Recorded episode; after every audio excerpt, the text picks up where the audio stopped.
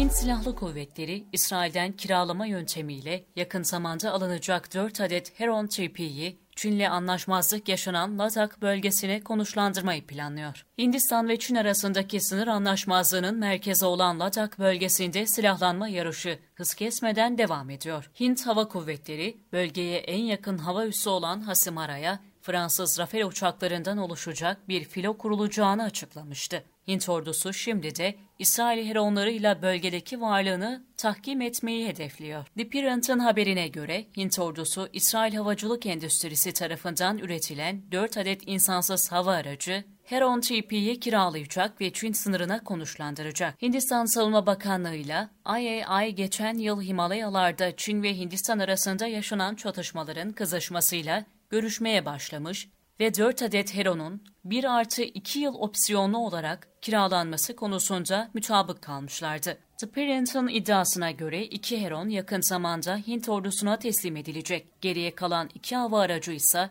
ilk teslimatın üzerinden 3 ay sonra gerçekleştirilecek. İki ülke arasındaki resmi imzaların bu yılın başlarında atıldığı aktarılırken maliyetleri ilişkin herhangi bir açıklama yapmaktan kaçınıldı. Savunma ve güvenlik uzmanları envantere eklenecek Heron TP'lerle Hint ordusunun Çin'e karşı yetersiz olan ekipmanlarının güçleneceğini öngörüyor ve aynı zamanda Çin'in fiili kontrol hattı denen sınır bölgesindeki her türlü askeri eyleminin yakından izlenebileceği değerlendirmesinde bulunuyorlar.